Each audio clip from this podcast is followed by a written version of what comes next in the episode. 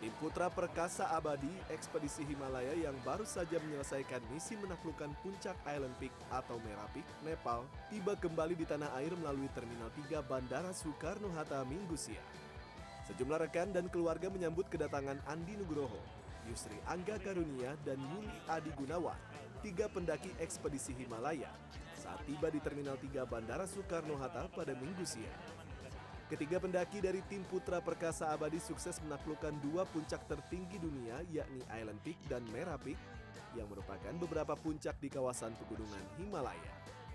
Salah satu pendaki Andi Nugroho mengatakan, kebanggaan tertinggi adalah saat mengibarkan bendera merah putih dan menyanyikan lagu Indonesia Raya di puncak gunung. Andi menambahkan perlu waktu selama satu bulan untuk mendaki dua puncak gunung Island Peak atau Merah Peak dan kesulitan utama yang dialami adalah cuaca yang berubah-ubah dengan cepat. Persiapannya kita harus ada pelatihan dulu sekitar 10 sampai 15 hari di Gunung Lawu. Dan latihan kita fisik, mental dan psikis juga Pak. Di cuaca.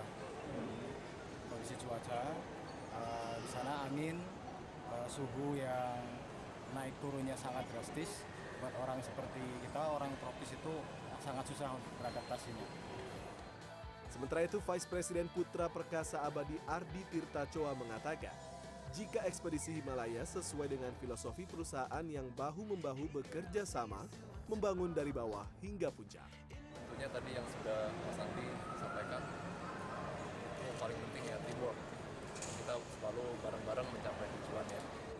Jadi filosofi kami adalah kita perjalanan menuju ke atas ya, menuju puncak inspirasi untuk teman-teman semua.